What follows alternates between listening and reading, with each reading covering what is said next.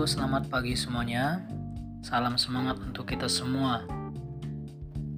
Pagi ini atau kali ini saya akan memberikan uh, katekese atau renungan mengenai hari Sabtu Suci.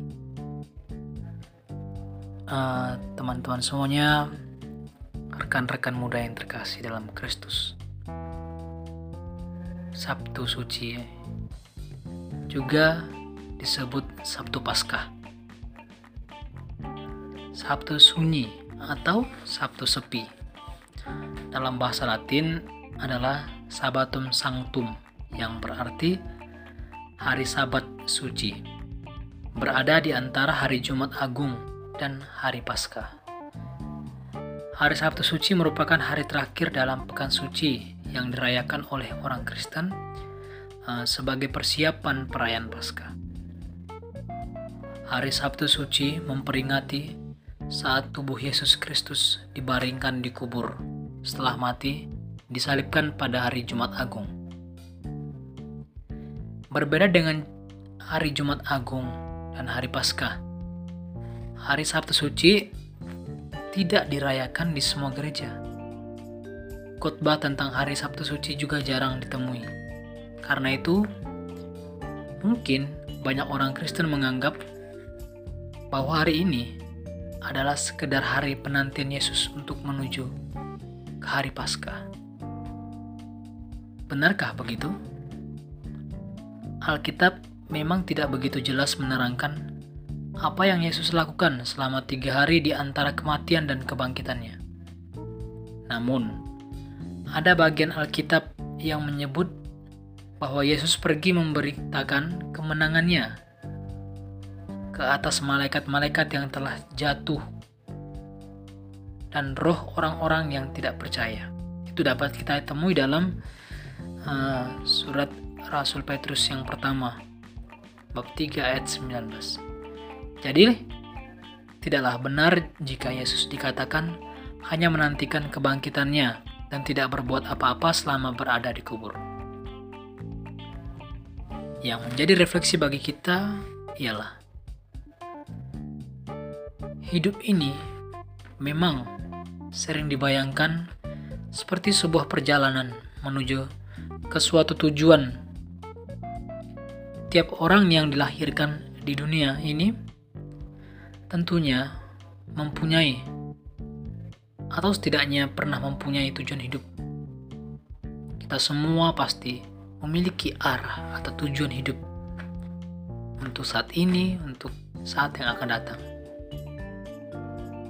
Untuk mereka yang percaya bahwa hidup di dunia ini adalah satu-satunya kehidupan yang ada, perjalanan hidup itu mudah diterka. Ada yang dari kecil ingin melangkah buana, ada juga ingin menjadi orang-orang yang ternama, menjadi pemimpin yang hebat dan lainnya. Bahkan ada yang ingin menjadi seorang biarawan biarawati, menjadi seorang romo. Perjalanan hidup yang mereka lakukan adalah suatu usaha untuk mencapai tujuan hidup itu. Dan setelah itu tercapai, hidup hanyalah untuk melewati hari-hari tanpa tujuan yang berarti. Sebaliknya mereka yang gagal untuk mencapai tujuan hidup mereka, rasa bosan, kecewa, dan putus asa datang karena penantian yang tidak kunjung berakhir.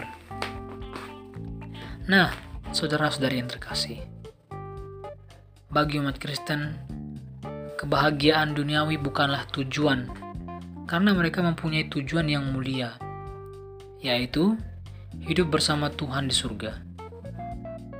Pada hari Jumat Agung 2000 tahun yang lalu, sebagai manusia, Yesus menunjukkan bahwa perjalanan hidup manusia di dunia memang berakhir dengan kematian. Tetapi apa yang sudah dilakukannya selama di dunia bukanlah sia-sia. Dalam perjalanan hidupnya menuju Golgota untuk menebus dosa manusia, ia memakai hidupnya untuk menolong mereka yang menderita dan mengajarkan jalan kebenaran. Selama dikubur, ia juga tetap bekerja, sehingga semua yang telah diciptakan Tuhan mengakui kuasanya. Dengan demikian, sesuai dengan ayat pembukaan di atas, kematian Yesus disalib di kayu salib, penguburannya dan kebangkitannya pada hari yang ketiga adalah sebuah kesatuan yang menunjukkan kuasa dan kasih Tuhan. Hari ini marilah kita belajar dari Tuhan Yesus bahwa hidup kita di dunia adalah sebuah perjalanan yang harus kita alami dan bukanlah tujuan hidup. Seperti Yesus, kita harus memakai seluruh hidup kita untuk memuliakan Tuhan, terutama melayani sesama, serta memberitakan sabda kebenaran, memberitakan kabar gembira, sampai akhir hayat kita. Hidup kita harus juga berangsur-angsur berubah dalam seluruh perjalanan, seluruh proses yang kita lalui. Mematikan hidup lama yang penuh dengan dosa untuk menjadi orang yang semakin dekat pada Tuhan. Dan bila tiba saat kita untuk meninggalkan dunia ini, pada saat itulah kita mencapai tujuan perjalanan hidup kita. Sebab, jika kita telah menjadi satu dengan apa yang sama dengan kematiannya, kita juga akan menjadi satu dengan apa yang sama dengan kebangkitannya.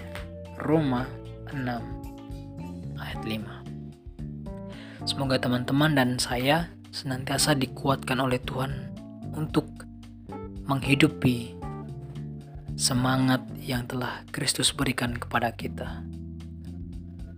Tuhan Yesus memberkati. Shalom.